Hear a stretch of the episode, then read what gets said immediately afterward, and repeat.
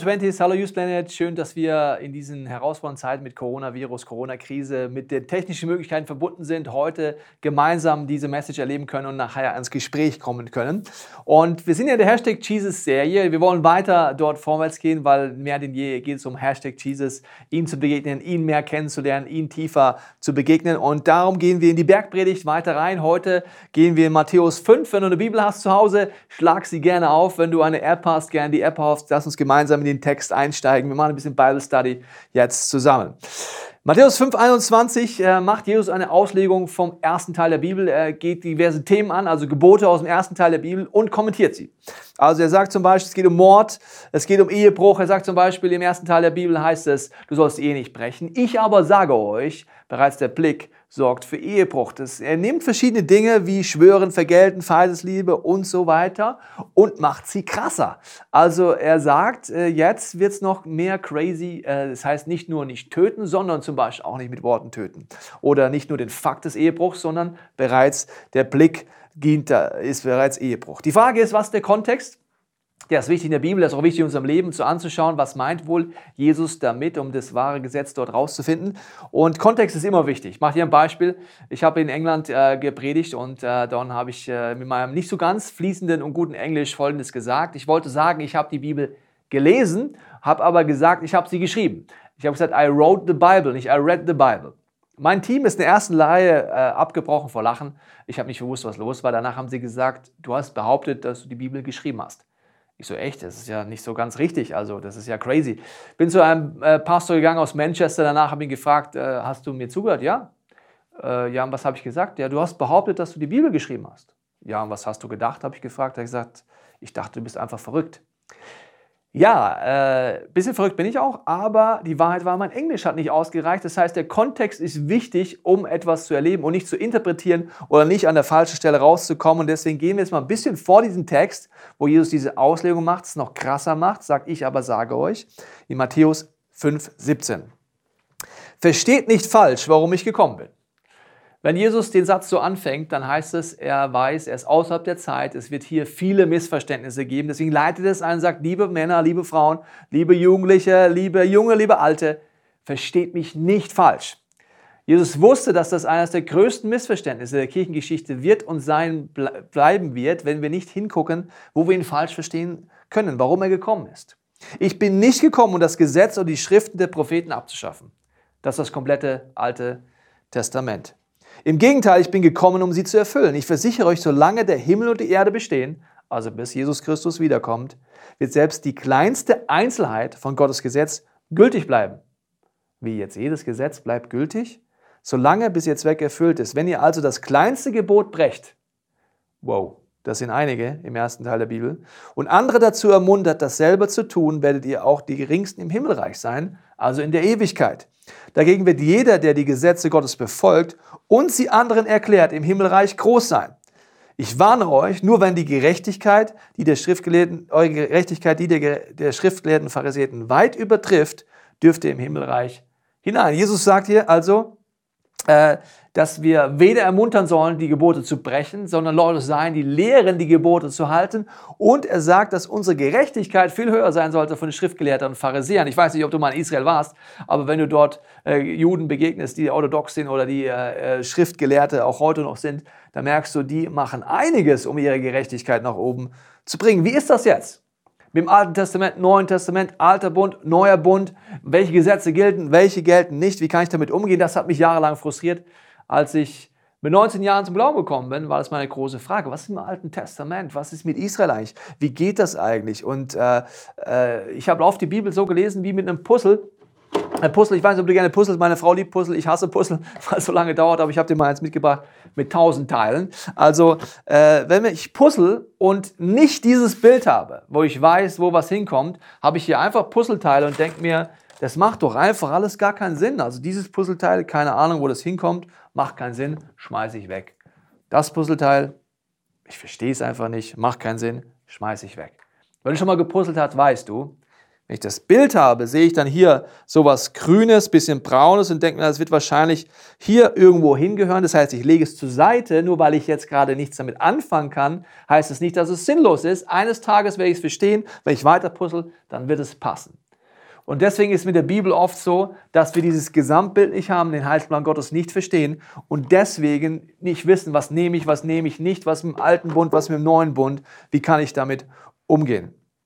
Ich möchte mit dir eintauchen jetzt die nächsten Minuten und das große Bild malen, dass wir tiefer verstehen, wie wir mit den Geboten umgehen können. Jesus wird beschrieben im Johannesevangelium, dass er das Wort ist.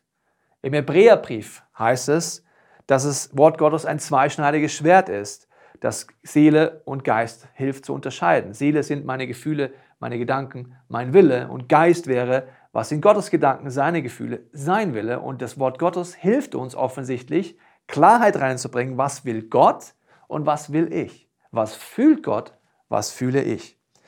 In Offenbarung heißt es dann, dass Jesus Christus Johannes äh, begegnet und dass aus seinem Mund ein zweischneidiges Schwert kommt. Das bedeutet, Jesus selber ist das Wort Gottes. Wenn Jesus also jetzt die Gebote auslegt, ist er derjenige, der schon immer war, was der Epheserbrief sagt, schon vor der Welt da war. Und äh, im Korintherbrief heißt es, dass Jesus schon immer das Volk Israel geleitet hat und dass er derjenige ist, der es jetzt auslegt. Jetzt, was für Missverständnisse gibt es? Jesus sagt, versteht mich nicht falsch. Missverständnis Nummer eins sind die Bünde. Epheserbrief heißt es, Früher hattet ihr, es geht hier um die Heiden, also die Nichtjuden, das sind du und ich wahrscheinlich, äh, es sei denn, du bist ein Jude oder bist jüdisch, äh, im jüdischen Glauben. Früher hattet ihr keinerlei Beziehung zu Christus. Ihr hattet keinen Zugang zum israelitischen Bürgerrecht und wart ausgeschlossen von den Bündnissen. Das Neue Testament sagt genau das Gegenteil. Es sagt nicht, dass wir die Bünde abschaffen, sondern dass wir durch Jesus Christus Zugang haben zu den Bünden im ersten Teil der Bibel, zu allen Segnungen, die Gott Israel zuspricht. Wie geht das jetzt, dieser Heilsplan Gottes, dass ich einen Anteil an diesem Bürgerrecht habe, Anteil an den Bündnissen? Ich habe dir mal die drei wichtigsten Bündnisse mitgebracht und möchte dir hier dran zeigen, äh, wie das zusammenhängt. Das erste ist hier Abraham, wird von Gott berufen. Er ist ein Heide, sagt uns die Bibel und auch außerbiblische Quellen reden davon, der Götzen hergestellt hat. Jesus und Gott begegnet ihm und sagt, ich will dich berufen mit dem Ziel, dass ein Volk entsteht, mit dem Ziel, die Welt zu retten. Und Abraham ist somit der erste Jude als ein Heide, der von Gott berufen wird, die Welt zu retten. Gott stellt sich ihm vor mit einem Namen. Er sagt, ich bin El Shaddai, das bedeutet Herr der Herrscher, bedeutet aber auch Mutterbrust, Geborgenheit, Versorgung. Gott stellt sich als Vater und Mutter vor und sagt, das ist mein Wesen. Und Abraham erlebt ihn und vertraut ihm auch so sehr, dass er losläuft. Wenn ich nicht Gott so kenne mit seinem Wesen, dass er es gut meint, dass er ein Vater und Mutter für mich ist, verstehe ich das, was dann kommt, falsch. Als zweites kommt Mose. Und in Mose zeigt Gott, von was er uns retten will. Also in all den Geboten zeigt er uns, wo sind wir körperlich, seelisch, geistig krank, wo will er unser Denken verändern. Wie im Römerbrief heißt es, dass wir unser komplettes Denken verändern dürfen, um immer mehr zu verstehen, was Gottes Wille am Ende vom Tag wirklich ist. Was führt zum Segen, was führt zum Fluch, was blüht auf in meinem Leben, was nicht. Das zeigt er in Mose. Und in Jesus zeigt er uns, wie er uns retten will. Indem alles, wo die Gebote darauf hinweisen, wir wissen, wo wir hingehen, wo Heilung, wo Befreiung passiert. Wenn ich aber gar nicht weiß, für was Jesus alles gestorben ist, kann ich dieses Geschenk nicht anwenden. Wenn du ein Geschenk bekommst, nicht weißt, wie du es anwendest, hast du gar nichts davon. Das heißt, die Gebote zeigen mir, wie kann ich das Leben in meinem Leben, wie kann ich leben, wie kann ich innerlich frei sein, wie kann ich äh, Heilung und Rettung erleben. Und das ist wie ein Mobile, das davon lebt, dass es gemeinsam äh, aufgehängt ist. Wenn ich nur eins davon rausnehme, wird es einseitig und ich kann gar nicht in dieser Kraft Gott begegnen. Was heißt es jetzt, dass Jesus das alles erfüllt? Jesus hat alle rituellen Punkte, alles, was früher im Tempel passiert ist, alle Opfer, das hat er am Kreuz vollbracht. Er redet davon, dass wir selber in unserem Leben ein Tempel des Heiligen Geistes sind und dass wir das alles annehmen können. Was hat er nicht abgeschafft? Ich lese nochmal vor Matthäus 5,18. Äh, ich versichere euch, solange Himmel und Erde bestehen, wird kein I-Punkt und kein Komma im Gesetz gestrichen. Das ganze Gesetz muss erfüllt werden. Wer also ein noch so unbedeutendes Gebot für ungültig erklärt und die Menschen diesen Sinne lehrt, wird in neue, Gottes neue Welt den Platz, äh, der, den Platz nicht einnehmen können. Das bedeutet, der moralische Teil, also der Punkt, wo Gott uns hinweist, was zerstört uns, wo ist Sünde in meinem Leben, der bleibt gleich. Die Antwort ist nur nicht das Opfertier, sondern ich gehe zu Jesus Christus und erlebe das Kreuz. Wie ist das jetzt mit Alten und Neuen Testament? Wie kriege ich das jetzt zusammen? Es gibt im Alten Testament die Geschichte des jüdischen Volkes, des israelischen Volkes. Und viele Leute behaupten ja, dass Gott diese Bünde aufgehoben hat. Ich habe dir gerade Epheserbrief vorgelesen, wo das Gegenteil erzählt. Und es wäre dramatisch, wenn Gott Bünde auflösen würde. Also wenn es wirklich so wäre, dass er zum jüdischen Volk sagen würde, also weil ihr rebelliert habt und weil ihr es verkackt habt, kündigt den Bund mit euch auf und fangt mit der Kirche den Bund an. Das wäre ja total unlogisch, weil schaut mal dein und mein Leben an. Wenn wir ehrlich sind, haben wir viele Punkte, wo wir auch rebellieren und wo wir es verkacken, auf Deutsch gesagt. Und dann müsste Gott den Bund mit uns ja auch bald aufheben, als ob die Kirche und die Christen da besser wären oder wir besser wären. Das heißt, es kann gar nicht so sein. Das bedeutet, es gibt zwei Punkte. Es gibt die Geschichte des jüdischen Volkes, wo Gott, Epheserbrief sagt, wir können Teil von dieser Geschichte werden. Und Jesus ist der König der Juden. Und auf der anderen Seite ist er das Haupt der Kirche. Was bedeutet das? Er ist der König der Juden und er geht mit diesem Volk einen Weg, was wir jetzt genauer anschauen werden. Und gleichzeitig ist er der Chef von der Kirche, die entsteht. Und du kannst nicht eins oder das andere haben. Es ist die gleiche Person. In Jesus Christus kommt es zusammen. Er ist und bleibt der König der Juden und er ist und bleibt das Haupt der Kirche. Und nur wenn beides zusammenkommt an einem Ort, das ist das Kreuz, ich, äh, kann ich das erleben. Das heißt, ich kann nicht sagen, ja, ich bin Christ aber mit dem jüdischen Volk kann ich nichts anfangen, dann soll ich dringend hingucken, ob ich dort umkehren darf und Lügen glaube, weil es ist die gleiche Person, der König der Juden und das Haupt der Kirche. Auch die Juden werden erkennen, dass Jesus Christus beides ist. Immer mehr passiert das schon in der heutigen Zeit.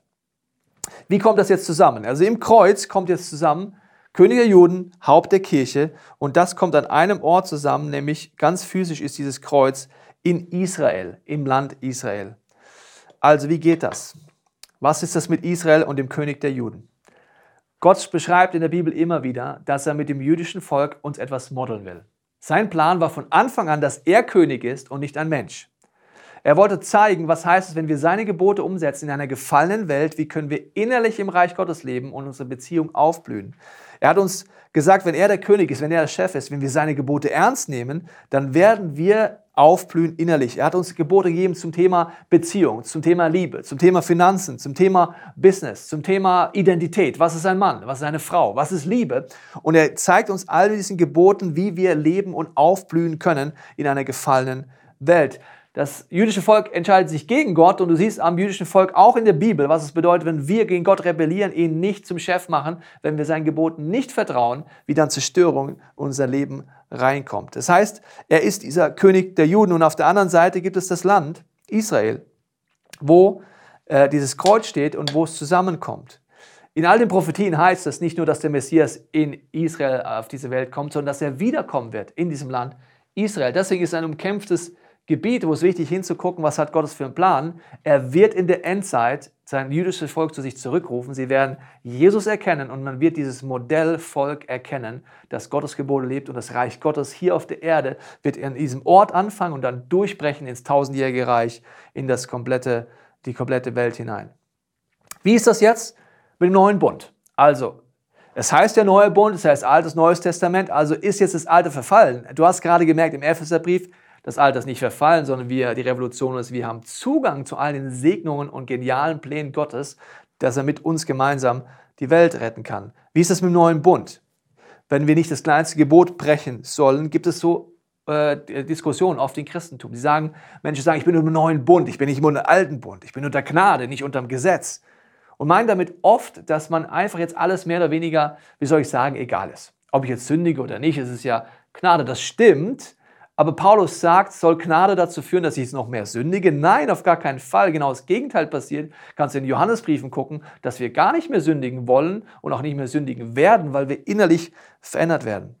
Das würde ja bedeuten, dass wenn ich nicht mehr unter dem Gesetz bin, dass ich alles tun kann. Zum Beispiel, ich könnte stehlen, vielleicht deinen Schlüssel von deinem Motorrad und dir nicht zurückgeben und sagen, ich bin unter Gnade, nicht unter dem Gesetz. Dann würdest du sagen, ja, spinnst du eigentlich? Das klappt doch so gar nicht. Was ist jetzt der neue Bund? Ich habe ein Bild für dich.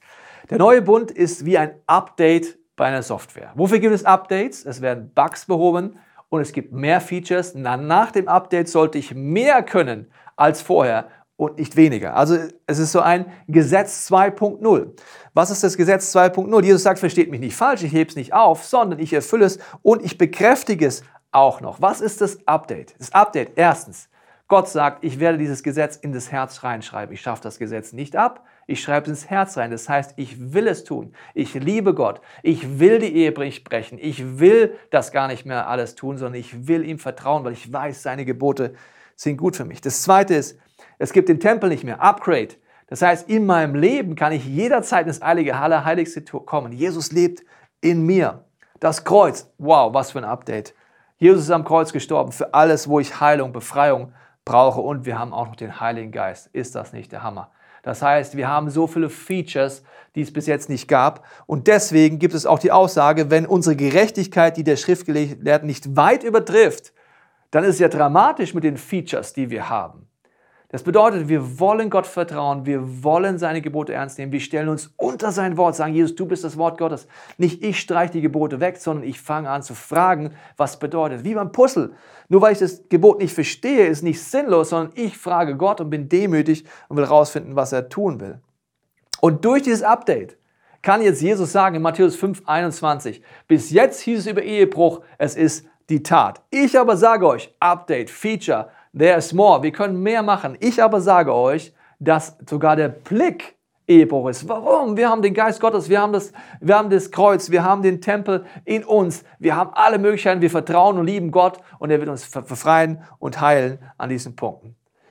Deswegen glaube ich, für uns heißt alles was anderes. Für den einen heißt es vielleicht, dass wir merken, okay, ich muss mich mal mit auseinandersetzen, dass der König der Juden gleichzeitig mein Jesus ist und vielleicht darf ich für Dinge umkehren, wo ich Antipathie oder vielleicht sogar einen Judenhass in mir habe. Vielleicht ist für den anderen dran, zu sagen, Jesus ist wirklich das Haupt der Kirche und ich will mich unterordnen unter seine Gebote und nicht mehr selber entscheiden, was vom Wort Gottes gilt und was nicht mehr. Adam und Eva werden versucht auf den ersten Seiten der Bibel, ist mein Abschluss heute für dich, bevor wir ins Gespräch kommen können. Und äh, die Schlange sagt zu ihnen, wenn ihr davon erst von dieser Frucht, werdet ihr sein wie Gott. Wann sind wir wie Gott? Wenn ich entscheide, was richtig ist, was falsch ist. Wenn ich entscheide, welches Gebot gilt, welches nicht. Wenn ich entscheide, welches Gebot ich als sinnvoll erachte und welches ich einfach wegschmeiße. Wenn ich einfach über Gut und Böse entscheide. Was würde bedeuten, wenn ich wieder Gott Gott sein lassen, der wieder das Haupt der Kirche, das Haupt von mir ist, der Chef ist, indem ich mich dem Wort Gottes unterordne, in Demut und sage, nur weil ich etwas noch nicht verstehe, heißt das nicht, dass es nicht Sinn macht. Nur weil ich vielleicht noch nicht den Gedanken habe, heißt nicht, dass ich nicht verändert werden muss. Römer 12, 2 heißt es, dass unser komplettes Denken verändert wird, wenn wir uns auf Gott einlassen und wir damit beurteilen können, was gut und böse ist, was Gott vorhat in seinem Plan. Soweit mal von meiner Seite. Wir sind jetzt reingefräst in dieses Thema.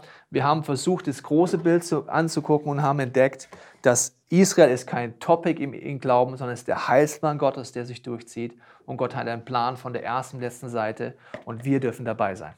Ja, hallo Tobi, jetzt bist ja, du live bei uns da. Vielen Dank für deine, für deine, für deine Einführung in das äh, Thema, auch mit dem, mit dem Gesetz umzugehen. Und äh, ich spreche jetzt Hochdeutsch, obwohl du verstehst eigentlich sehr gut Schweizerdeutsch. Ich verstehe Schweizerdeutsch. Du kannst auch mit dem Schweizerdeutsch reden. Erstmal Respekt, was du da alles hingekriegt hast schon in diesem Livestream. Hast du zugeschaut? Ja klar, ich habe geworshipped mit dir. Ich habe alles schon mitgemacht, du. sehr cool. Ja, eben, man muss, äh, ihr habt auch, heute Abend habt ihr wirklich dann Ausgangssperre in Bayern. Stimmt das? Ab Mitternacht. Ab Mitternacht, ja. Genau, darum jetzt noch zu Hause. Ähm, und ich finde, äh, das war, äh, Tobias, das war ein, ein, ein, starkes Wort, das du jetzt an uns gerichtet hast. Ähm, mit diesem, auch mit diesem, mit diesem Puzzle, das ist ja ein eindrückliches Bild äh, mit, dem, äh, mit dem König der Juden und Haupt der Kirche. Und nachher, wie machen wir die Schritte darauf zu? Ich möchte noch schnell diese Punkte noch mal schnell mit dir durchgehen. Ähm, ich glaube, dass wir, ich spüre bei dir eben etwas, da ist ein Geheimnis, was du entdeckt hast, weil du siehst ein Puzzle und und du sagst dir, wow, ich liebe jedes Teil und ich brauche jedes Teil und jetzt gehe ich da hin. Ähm, ich weiß aber, dass, dass ich und, und viele Leute manchmal das Puzzle sehen und sie sehen einen Teil und sagen, ich habe keine Ahnung, wie ich das irgendwie in mein Leben rein oder ins, ins ganze Große hineinbringen könnte. Ähm, diese Überforderung, wie, wie kann ich mit dem Gesetz umgehen? Wie kann ich das Gesetz lieben lernen?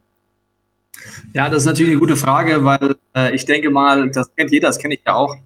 Die erste Idee ist natürlich, dass ich versuche, Gott zu vertrauen und zu sagen, er hat einen guten Plan und ich lege es vielleicht erstmal zur Seite und mich nicht so festfräsen darauf, sage ich jetzt mal so. Also für mich bedeutet das, hörst du mich auch doppelt? Muss man was anderes machen? Nein, das ist, das ist, äh, das ist nur, weil ich hier eine Box habe. Nur du hörst ah. mich doppelt. Okay, super. Die Leute zu Hause auch nicht. Sorry. Das ist schön. Okay, sorry. Wo war ich gerade? Muss ich mal kurz überlegen. Achso, wenn man nicht, nicht weiß, wie, wie man äh, sich dem stellt. Also ich glaube, der erste Schritt ist, dass man sagt, ich äh, fange an, äh, Gott zu vertrauen und probiere mal aus, ob er vielleicht einen guten Plan hat. Das bedeutet, ich habe die Grundphilosophie, nur weil ich es nicht verstanden habe, heißt es nicht, dass es nicht Sinn machen kann. Also fange ich an, Gott die Frage zu stellen, ähnlich wie die Emmos-Jünger. Also die erleben ja Folgendes. Die sind auf dem Weg, äh, nachdem Jesus gestorben ist, und sie unterhalten sich mit Jesus, merken gar nicht, dass sie mit Jesus unterhalten und unterhalten sich über das Wort Gottes. Das heißt, Jesus legt ihnen das komplette Alte Testament aus und erklärt ihnen, was alles auf ihn hinweist. Und sie sind absolut fasziniert und im Rückspiegel sagen sie dann, hat nicht unser Herz gebrannt, als wir mit ihm über das Alte Testament geredet haben. Das bedeutet, der Dialog ist für mich das Wichtigste. Also wenn ich das Buch lese, ist es für mich immer ein Dialogbuch. Ich sage, Jesus, zeig du mir, was du denkst, zeig du mir, was du fühlst und äh, fangen an, Sachen zu erklären. Und dann entdecke ich ganz faszinierende Dinge. Zum Beispiel letztendlich habe ich entdeckt, dass äh, Josua äh, kurz vor Jericho steht und er begegnet einem Engel. Das heißt nur ein Bote Gottes. Und dann heißt es, dass dieser Bote Gottes aber von sich selber sagt, er ist Gott. Das hat mich ein bisschen ins Nachdenken gebracht, weil ich kenne keinen Engel, der von sich selber sagen darf, er ist Gott. Das wäre Gotteslästerung. Nein, er sagt, er ist Gott und dann sagt auch äh, Josua später, ich habe Gott gesehen. Und dann habe ich mir überlegt, wer war denn dieser Engel eigentlich? Also ein Engel, der von sich selber sagt, er ist Gott, dafür nicht bestraft wird und so stehen bleiben kann, könnte es vielleicht sein, dass Jesus ihm begegnet ist. Also so lese ich immer die Bibel, dass alles auf Jesus hinweist, das ist ein großes Abenteuer und dort entdeckt man auch viel. Ähm, du, du, hast hier jetzt, äh, du hast vorhin eine, eine coole, also komm, ich gehe mal Schritt für Schritt durch. Das zweite, ich habe eine Frage dazu, jetzt bei den äh, äh, eben Jesus das Haupt der Juden, äh, der König der Juden und auch das Haupt der, der Haupt der Gemeinde. Hast du das Gefühl, jeder Christ hat eine Pflicht, sich mit dem Judentum und mit auch auseinanderzusetzen? Also ich glaube, dass du ohne Judentum am Ende vom Tag deinen eigenen Glauben gar nicht richtig verstehen kannst, weil alle Autoren waren Juden, das komplette Bibel, Altes Testament, Neues Testament, Jesus, Jeshua äh, war Jude, äh, ist in dem ganzen Kontext gekommen und äh, die ganze erste Kirche hatte ja in Anführungsstrichen nur das Alte Testament. Äh, für sie war es aber nicht nur das Alte Testament, sondern sie haben daraus gelehrt. Jesus hat seine komplette Heilsgeschichte den Emmaus-Jüngern erklärt aus dem Alten Testament und David flippt im Psalm 119 ich glaube, über 160 Verse oder wie viel aus, wie wunderschön die Gebote sind. Also würde ich mal sagen, wir haben dort vielleicht relativ viel zu entdecken. Das heißt nicht, dass ich zum Judentum überdrehe, das heißt es überhaupt gar nicht, aber das heißt, dass ich dort vieles entdecken kann. Und ich glaube, dass der Judenhass, wie er sehr weit verbreitet ist, uns davon äh, auch eine unterbewusste An Abneigung davon von viel auch abhalten kann. Und äh, der König der Juden, zumindest in katholischen Kirchen, ist ja oben am Kreuz, steht Inri drüber. Das bedeutet, Jesus, König der Juden, offensichtlich war Gott der Meinung, dass äh, Pilatus das drüber ballern soll, weil wir das am ehesten vergessen werden. Dass äh, dieser Teil eben auch ist und ich kann jetzt nicht das Haupt der Kirche ohne den König der Juden äh, wollen, weil er ist Jude und er ist auch der König der Juden. Krass, krass. Hey, äh, und nachher hast du uns, bitte, bitte nimm, nimm, ich, nimm mich nochmal mit in die Schritte. Eben, ich, weißt du, wir sind jetzt, wir sind jetzt Leute, lass uns äh, mal dahin gehen, ich, ich stehe da vor einem Puzzlehaufen, ich sehe das Gesetz ich, und, und es löst bei mir erstens mal aus, eben, dass äh, ich schaffe das gar nicht, ich, äh, ich bin äh, auch überfordert. Und dann ist ja immer noch, ist man dann zum Teil noch gefangen in Süchten oder in Gewohnheiten oder man reagiert, das ist ja das, was sogar Paulus sagt, man reagiert auf eine Art, wie man eigentlich gar nicht möchte, also dieses, dieses Puzzle zusammenzustellen. Und du hast das, äh, diese Punkte nochmal noch äh, vorher gesagt. Und ich glaube, wir gehen sie, wäre cool, wenn wir sie mit den Leuten zu Hause kurz zusammengehen könnten, so interaktiv. Das erste hast du gesagt, dass man einfach mal sagt, ja, ich will. Sag nochmal. Dass man Gott sagt, ja, ich möchte, ich möchte dich äh, nehmen als König und dass man sich beugt und da, ja. äh, einfach da unter. Nimm uns da mal rein. Ja, der Grundgedanke ist ja immer wieder in der Bibel vom Reich Gottes und äh, das äh, ist ja etwas, wo Gott von redet, wenn er der König ist und wenn er der König sein, wir den König lassen und seine Gebote anfangen zu leben, können wir innerlich in diesem Reich Gottes leben. Das war sein Plan, wie ich das lese, von der ersten Seite der Bibel an mit dem Volk Israel, wo er sagt, ich will euer König sein. Volk Israel sagt dann, das finden wir nicht cool, weil um uns herum die anderen Länder haben Könige, wir wollen jetzt Saul haben. Dann sagt Gott, wollt ihr wirklich Saul haben? Weil eigentlich das Modell, das ich mit euch vorhabe, ist, dass ihr gar keinen Saul braucht. Ihr braucht gar keinen König, sondern ihr könnt direkt bei Gott sozusagen angeschlossen sein. Mit dem Ziel, dass sie aufblühen und dass sie leben. Und er redet davon, dass sie in einer gefallenen Welt geschützt sind, dass er bei ihnen ist und sie äh, aufblühen lassen will. Aber aus Misstrauen und aus Rebellion kehren sie Gott den Rücken und das ist im Endeffekt äh, meine und deine Geschichte immer wieder. Äh, vertrauen wir Gott, vertrauen wir ihm nicht? Glauben wir, dass seine Gebote Gott gut sind oder nicht? Und äh, ich glaube, gerade beim Gesetz ist es so etwas, äh, wenn ich jetzt mich mit, äh, mit lebendigen Rabbis oder messianischen Juden treffe, habe ich einen faszinierenden Moment immer. Und zwar, wie sehr sie die Gebote lieben und davon ausgehen, es ist gut. Und ich merke, dass den Reflex habe ich grundsätzlich nicht. Ich denke erstmal, es ist schlecht. Ich denke erstmal, Gott meint es nicht gut mit mir und er will mich einschränken. Und deswegen habe ich so ein Grundmisstrauen, anstatt zu sagen, okay, ich verstehe das Gebot noch nicht, aber vielleicht steckt da ja was dahinter, was faszinierend ist zu entdecken. Also ich, ich, ich spüre, dass da, dir geht es um, der erste Schritt ist nicht unbedingt, dass ich sage, okay, äh, jetzt mache ich es zum König und ab jetzt befolge ich alle Gebote, sondern das erste, hey, jetzt mache ich es zum König. Das heißt, ich vertraue, dass seine Gebote gut sind. Das ist der erste Schritt. Das ist der erste Schritt und dann zu sagen, äh, der Schritt ist ja dann aus Liebe raus. Jesus sagt ja, sein Upgrade ist, dass er uns das Gebot ins Herz schreibt. Das bedeutet für mich, ich habe eine Herzensüberzeugung. Und das geht nicht, weil ich sage, es ist einfach eine Regel, die muss ich jetzt behalten. Das ist ja nicht ins Herz geschrieben, das ist ja in meinen Kopf geschrieben. Da sage ich ja, warum? Das ist genau wie meine Eltern früher an der Jugend zu mir Sachen gesagt haben, das darfst du nicht, das musst du. Dann habe ich gesagt, warum? Ja, das macht man halt und dann habe ich es halt gebrochen. Warum? Ich hatte keine Herzensüberzeugung. Und ich glaube, das ist ein wichtiger Punkt. Ich glaube, aber da, da spüre ich was, da bist du, da bist du mir ein Riesenvorbild, weil da bist du sehr frei darin. Weil, weil da kommt dann schnell natürlich der Gedanke rein, okay, ich nehme mich jetzt Christ und ich möchte jetzt leidenschaftlich sein und spreche von Vertrauen und, und gehe zu Gott und sage, ja, ich vertraue dir. Und dann äh, eigentlich, wenn ich ehrlich bin, weiß ich, dass ich mit, mit, mit äh, großer Wahrscheinlichkeit der diese Woche wieder fallen werde in irgendeinem Bereich, wo ich weiß, ich bin wieder eifersüchtig, vergleiche mich wieder, mache mich selber fertig in den Gedanken oder ich äh, behandle andere nicht liebevoll oder im sexuellen Bereich, ich konsumiere Pornografie oder was auch, was auch immer, dass Dinge passieren, wo ich eigentlich weiß, das ist nicht richtig und ich, äh, wie geht es mit dieser Spannung auf? Weil du bist ja, mache ich mich nicht damit zum Heuchler, wenn ich, wenn ich davon spreche und ich mache diesen Schritt und dann Nee, also ich glaube, der wichtige Punkt ist, dass ich weiß, deswegen beginnt ja die Bibel bei Abraham und nicht äh, bei Mose, weil bei Abraham Gott ihm zeigt, er ist wie ein Vater, eine Mutter, er ist derjenige, dem wir ihm vertrauen können. Äh, das zeigt ihm auch im Opfer, als Mose, als Abraham äh, seinen Sohn opfern soll, wo man erstmal denkt, das ist so eine schlimme Szene. Da sagt er ja zu seinem Sohn, wir gehen jetzt auf diesen Berg hoch, wir werden dort Gott worshipen, wir beide werden wieder runterkommen und Gott wird ein Opfer Tier bringen. Das heißt, er kennt Gottes Wesen so gut, dass er hochgeht unter dem, dem Wissen, dass Gott derjenige ist, der den Preis zahlt und der für mich da ist. Und ich glaube, das ist für mich der wichtige Punkt, wenn ich weiß, dass ich geliebt bin, wenn ich weiß, dass meine Identität ist, dass ich ein Sohn und Tochter Gottes bin, dann will ich immer weniger sündigen. Nicht, weil ich muss oder so weiter, sondern weil ich weiß, ich bin geliebt, ich bin einfach gesetzt sozusagen. Das ist so, wenn ich immer denke, ich bin dreckig, dann setze ich mich in Dreck, weil es ja egal. Also wenn du jetzt denkst, meine Klamotten sind eh schon dreckig, kannst du dich von Bahnhof setzen in Dreck. Wenn du sagst, ich gehe gleich zur Hochzeit, ich habe mir nur einen Anzug an, sagst ich setze mich bestimmt nicht in Dreck. Warum? Ich habe den schönen Anzug an. Und ich glaube, das ist so diese Identität. Ich bin geliebt, ich bin gesetzt. Und wenn ich Sünde in meinem Leben habe, sorgt es nur dafür, dass Jesus größer wird. Weil ich renne damit zu Jesus, ich gehe damit zum Kreuz. Das heißt, es ist Worship, weil ich ihm vertraue und sage, Jesus, ich brauche dich. Ich, ohne dich kann ich sowieso nicht. Und schau, so sieht es in meinem Leben aus. Das heißt, ich mache jedes Mal Jesus größer durch meine Sünde, wenn ich zu ihm gehe und sage, ja, ich brauche dich.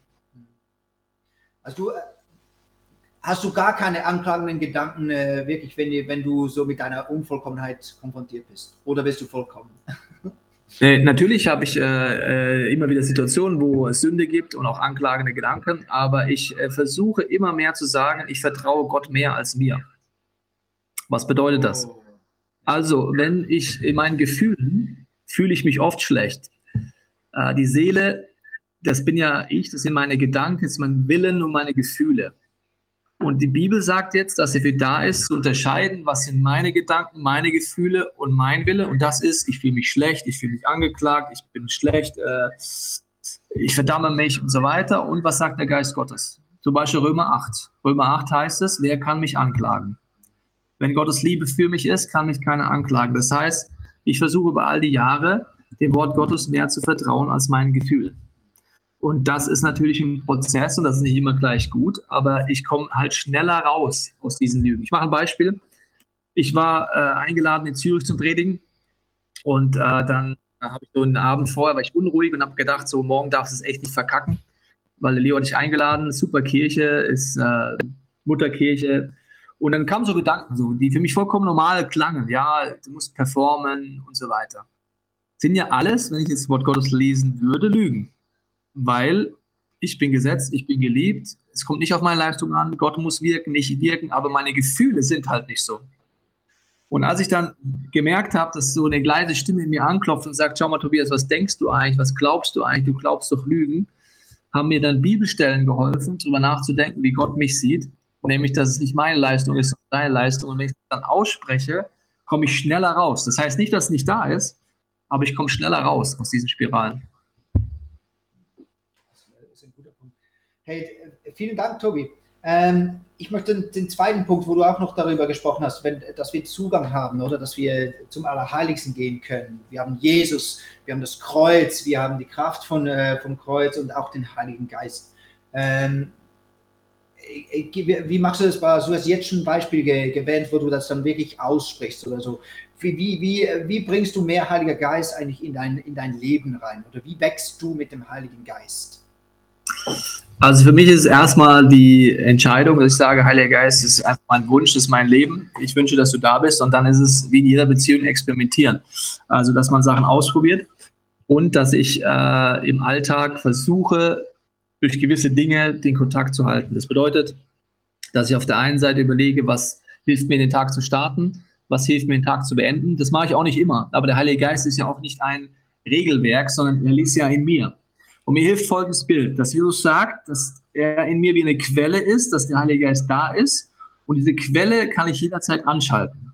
Das ist wie so ein Gartenschlauch. Das bedeutet, wenn ich einen Gartenschlauch kann ich jederzeit starten und es kommt Wasser. Ich kann auch wieder stoppen.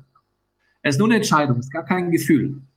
Und das hilft mir. Also wenn ich auf meine Gefühle warten würde im Alltag, ob der Heilige Geist da ist, dann würde ich manche Tage denken, der Heilige Geist ist tot, manche Tage würde ich denken, er ist da. Also sage ich, ich will trainieren, mich einfach zu entscheiden, Jesus Raum zu geben in mir. Also zum Beispiel ein junger Mann kam zu mir, der hatte äh, einen Tumor am Knöchel und wollte, dass ich für ihn bete. An dem Tag habe ich mich schlecht gefühlt, ich fand meine Predigt scheiße, äh, ich wollte lieber nach Hause zum äh, Fußball gucken gehen, als irgend, für irgendjemand zu beten. Und ich habe mich bestimmt nicht so gefühlt, als hätte ich Power. Ich habe lange geglaubt, die Lüge geglaubt, dass ich mich so fühlen muss, bevor ich bete oder dem Heiligen Geist Raum geben muss. Also ich muss erstmal ein Gefühl haben im Worship oder ich muss glauben, fühlen, dann bete ich für jemanden. Als dieses Bild mir geholfen hat, die Quelle anzumachen, habe ich einfach gesagt, okay, ich fühle nichts, ich habe nichts, aber Jesus, ich bin jetzt kurz still, wenn du mir den Gedanken gibst, mache ich. Es kam kein Gedanke. Da habe ich gedacht, okay, die Bibel sagt, leg die Hände auf und bete. Dann habe ich ein total heiliges Gebet gesprochen, das war ungefähr ein Satz. Im Namen von Jesu bete ich jetzt, dass dein Knöchel gesund wird. Amen. Ich habe nicht mal dran geglaubt. Aber ich habe mich entschieden, dass Jesus in mir die Quelle ist und dass er es jetzt macht und nicht ich. Dieser Mann wurde geheilt, zwei Wochen später hat mir eine riesen Story erzählt und das war für mich so eine Lektion, dass ich nicht darauf warte, ob meine Gefühle sagen, der Heilige Geist ist da, sondern yes. die Quelle ist da. Jesus ist immer in mir und ich kann mich immer entscheiden, im Raum zu geben. Und ich warte, ich habe versucht zu trainieren, nicht auf meine Gefühle zu warten. Das kommt dann. Vielen Dank, vielen Dank, Tobi. Das ist etwas, was, was ich immer schon an, an dir bewundere. Du, du nimmst, äh, hast uns jetzt ein bisschen mitgenommen und ich glaube, das werden wir nachher auch, wir nehmen nachher noch das Abendmahl und werden das so auch nochmal vertiefen, das Vertrauen in Jesus und auch eben zu glauben, dass Gott in aller Schwachheit drin äh, uns, uns wieder Kraft gibt und Stärke gibt. Ähm, und dann geht es ja darum, wirklich das, das Wort Gottes zu lieben. Und das möchten wir als Trainees wirklich lernen, weil das war das Anliegen von Jesus, nicht den Bund aufzuheben. Kurz, du sprichst, wenn du von, von Geboten sprichst, dann sprichst du von den zehn, zehn Geboten. Ich rede grundsätzlich von der ganzen ersten Teil der Bibel, weil meine Perspektive ist die ganze Bibel. Also meine Bibel, ich, ich schlage sie auf, egal wo. Ich kann Jesaja lesen, Propheten lesen, wie er Jesus sagt, die habe ich auch nicht aufgehoben sondern ich fange an drin zu lesen und suche Jesus da drin und sage, Jesus, rede du heute zu mir. Was heißt diese Bibelstelle heute für mich? Gib mir heute ein frisches Brot, das frische Manna. Es ist nicht das geschriebene Wort, sondern macht frisch. Und deswegen äh, ist es von der ersten bis zur letzten Seite. Und ich entdecke dort, dass Gott halt dann zu mir redet, indem mich was anspricht, ein Wort, ein Satz, ein Gedanke, irgendetwas. Aber ich glaube, die Grundentscheidung, die mir geholfen hat, vielleicht hilft es auch manchen den Zuschauern, was ich gesagt habe am Ende, dass die Versuche im Garten Eden ist, dass die Schlange sagt, wir werden sein wie Gott. Und ich habe gemerkt, ich habe lange die Bibel wie ein kleiner Gott gelesen. Das heißt, ich habe immer definiert, was gilt, was gilt nicht, was nehme ich, was nehme ich nicht. Und ich hatte einen sehr heiligen Punkt. Ich bin auf die Knie gegangen und habe gesagt, Jesus, du bist das Wort Gottes, du redest dadurch. Ich bin nicht Gott. Ich will mich unterstellen dein Wort, weil ich bin verloren in meinen Gefühlen, wie es der Römerbrief sagt. Ich weiß oft nicht, was oben und unten ist. Ich weiß oft nicht, ob du da bist. Ich habe meine Identität tausend Fragen, in meiner Sexualität tausend Fragen.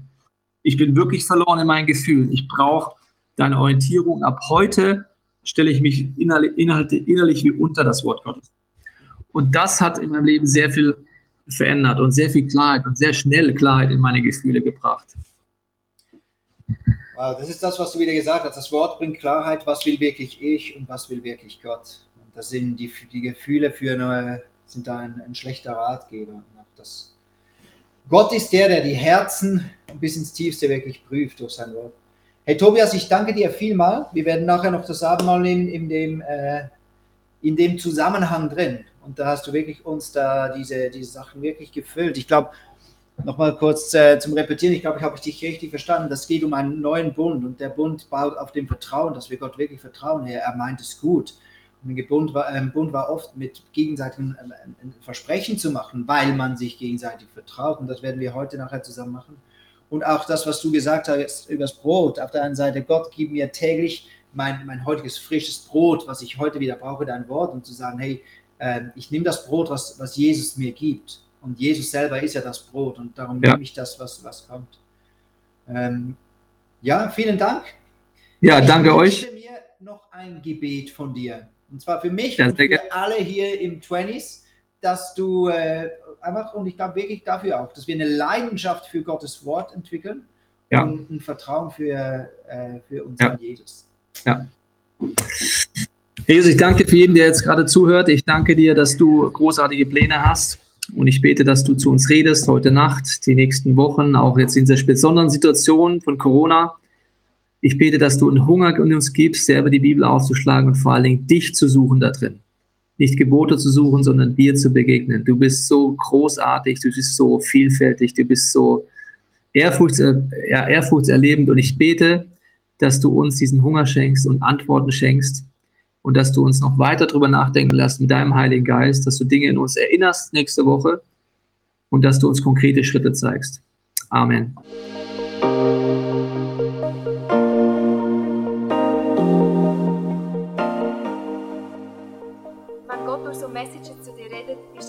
kostbar.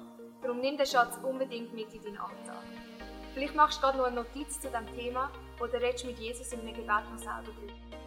Es ist unsere Leidenschaft als ICF 20s, junge Menschen zu begleiten auf ihrem Weg mit Gott und sie dabei zu unterstützen. Hey, und wenn du den ICF 20s willst besser kennenlernen dann komm doch vorbei. Wir treffen uns jeden Freitagabend in der Samsung Hall in Stettbach. Du findest uns natürlich auch online, auf Social Media wie Instagram, Facebook und Snapchat. Dort kannst du dich informieren über Smart Groups, Camps oder was sonst noch so läuft bei uns in der Kirche. Danke fürs Hineinklicken. Bis zum nächsten Mal.